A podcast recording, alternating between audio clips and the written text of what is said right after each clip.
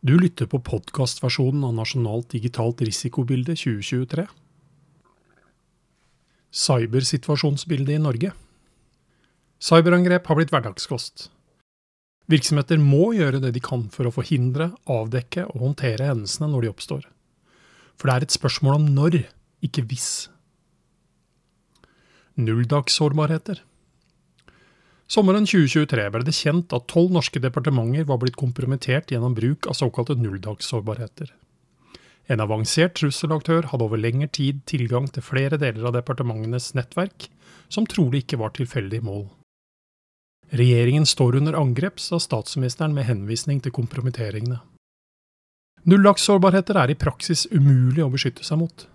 De kjøpes og selges på digitale undergrunnsmarkeder, hvor en symbiose av hackere, kriminelle og etterretningstjenester opererer.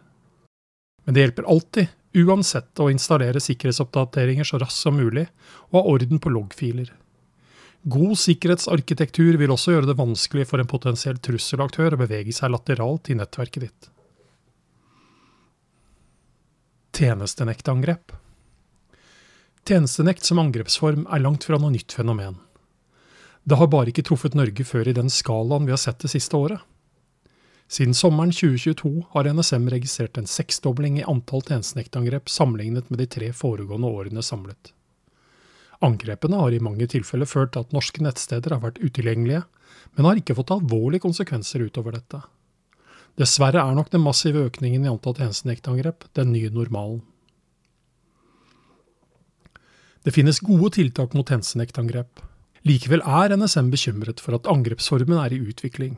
Mer sofistikerte teknikker tas i bruk, og kan rettes mot sårbare punkter i virksomheters nettverk. Erfaringen fra utlandet er at angrepene blir mer sofistikerte, vanskeligere å oppdage og beskytte seg mot.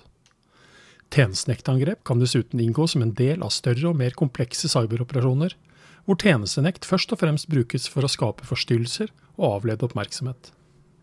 Nye sektorer rammes. Det siste året har bølger av tjenestenektangrep fra prorussiske aktører truffet virksomheter i transport, finans og helsesektoren. Dette er sektorer vi ikke tidligere har sett på som typiske mål for denne type hendelser. Sektorene høyteknologi, næring og offentlig forvaltning er fortsatt de mest utsatte sektorene for cyberoperasjoner i alle former, totalt sett. Tidligere år har NSM observert et høyt trykk av trusselaktivitet mot universiteter og andre virksomheter i sektorens forskning og utvikling. Denne aktiviteten har det siste året avtatt noe forsvarssektoren mer utsatt. NSM har registrert flere og mer alvorlige hendelser i forsvarssektoren det siste året enn året før. Også forsvarsindustrien har vært rammet av cyberoperasjoner, noen av dem svært alvorlige. Det er naturlig å prøve å forstå utviklingen i lys av Norges støtte til Ukrainas forsvarskrig mot Russland. I mange av tjenestenektangrepene mot sektoren oppgir russiskspråklige aktivister selv at motivasjonen for angrepene er Norges rolle som støttespiller for Ukraina i krigen. Etterretningstjenesten påpeker også i sin rapport Fokus 2023 at russiske aktører er ute etter informasjon om norsk politikkutforming, særlig innen forsvars-, utenriks- og sikkerhetspolitikk, og om nordområdene, Svalbard og energisektoren. Forsvaret, militære beredskapsplaner, militær infrastruktur og alliert aktivitet er også ettertraktede mål. Rammer oftere flere mål samtidig. Året som har gått, har vært preget av flere cyberangrep av ulike typer og alvorlighetsgrad mot norske kommuner. Målselv, Vadsø og Sør-Varanger er eksempler på kommuner av stort potensielt strategisk betydning, og med en høy andel militært ansatte blant befolkningen. Gjennom lekkede påloggingsdetaljer til en ekstern tjenesteleverandør greide en trusselaktør å komme seg inn i kommunale systemer.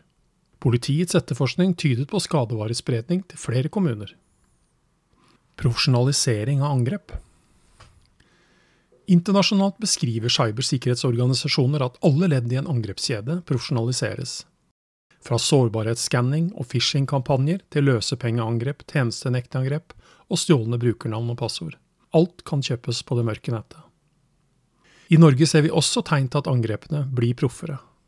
Kvaliteten på svindelinnholdet i målrettede e-poster har nådd et urovekkende høyt nivå. Årvåkne, kritiske mennesker kan bli lurt i et svakt øyeblikk. NSM forventer at utviklingen innenfor kunstig intelligens og store språkmodeller vil skape ytterligere forbedringer og dermed større utfordringer.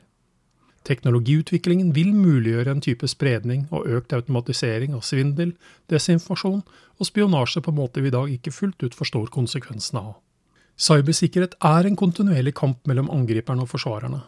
Taktikker, teknikker og prosedyrer utvikles av angriperne.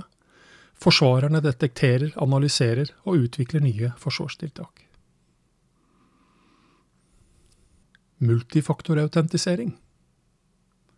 Multifaktorautentisering er et aktuelt eksempel.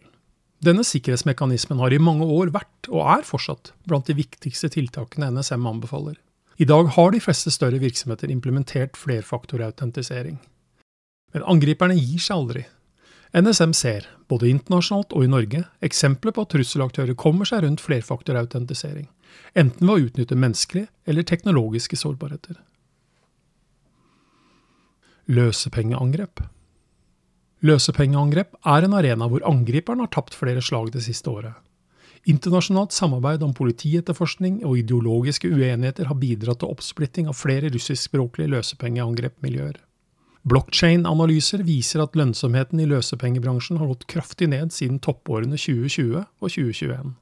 Dette sammenfaller med at NSM har registrert færre løsepengeangrep mot norske virksomheter det siste året.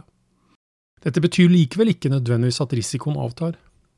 Flere norske virksomheter har blitt rammet det siste året, for mange blir konsekvensene av et angrep omfattende. For noen kan det bety driftsstans og i verste fall konkurs. Dynamisk situasjonsbilde Overordnet utgjør disse ulike momentene et svært dynamisk cybersituasjonsbilde. Innbruddsmetoder endrer seg raskt på taktisk nivå, og nye nulldagssårbarheter dukker opp der vi minst ønsker dem. Dette er ikke nytt i cyberdomenet. Det nye er den skjerpede sikkerhetspolitiske konteksten vi har måttet innfinne oss med. Flere strategiske faktorer, f.eks. For Vestens forhold til Russland og Kina, går fortsatt mot en forverring. I denne situasjonen er det viktigere enn noen gang at vi som beskytter virksomheter mot spionasje, sabotasje, terror og sammensatte trusler, spiller hverandre gode. At vi samarbeider godt og deler informasjon. Bare på den måten kan vi holde forsvarslinjen sammen. Du har lyttet til podkastversjonen av Nasjonalt digitalt risikobilde 2023 og mitt navn er Roar Thon.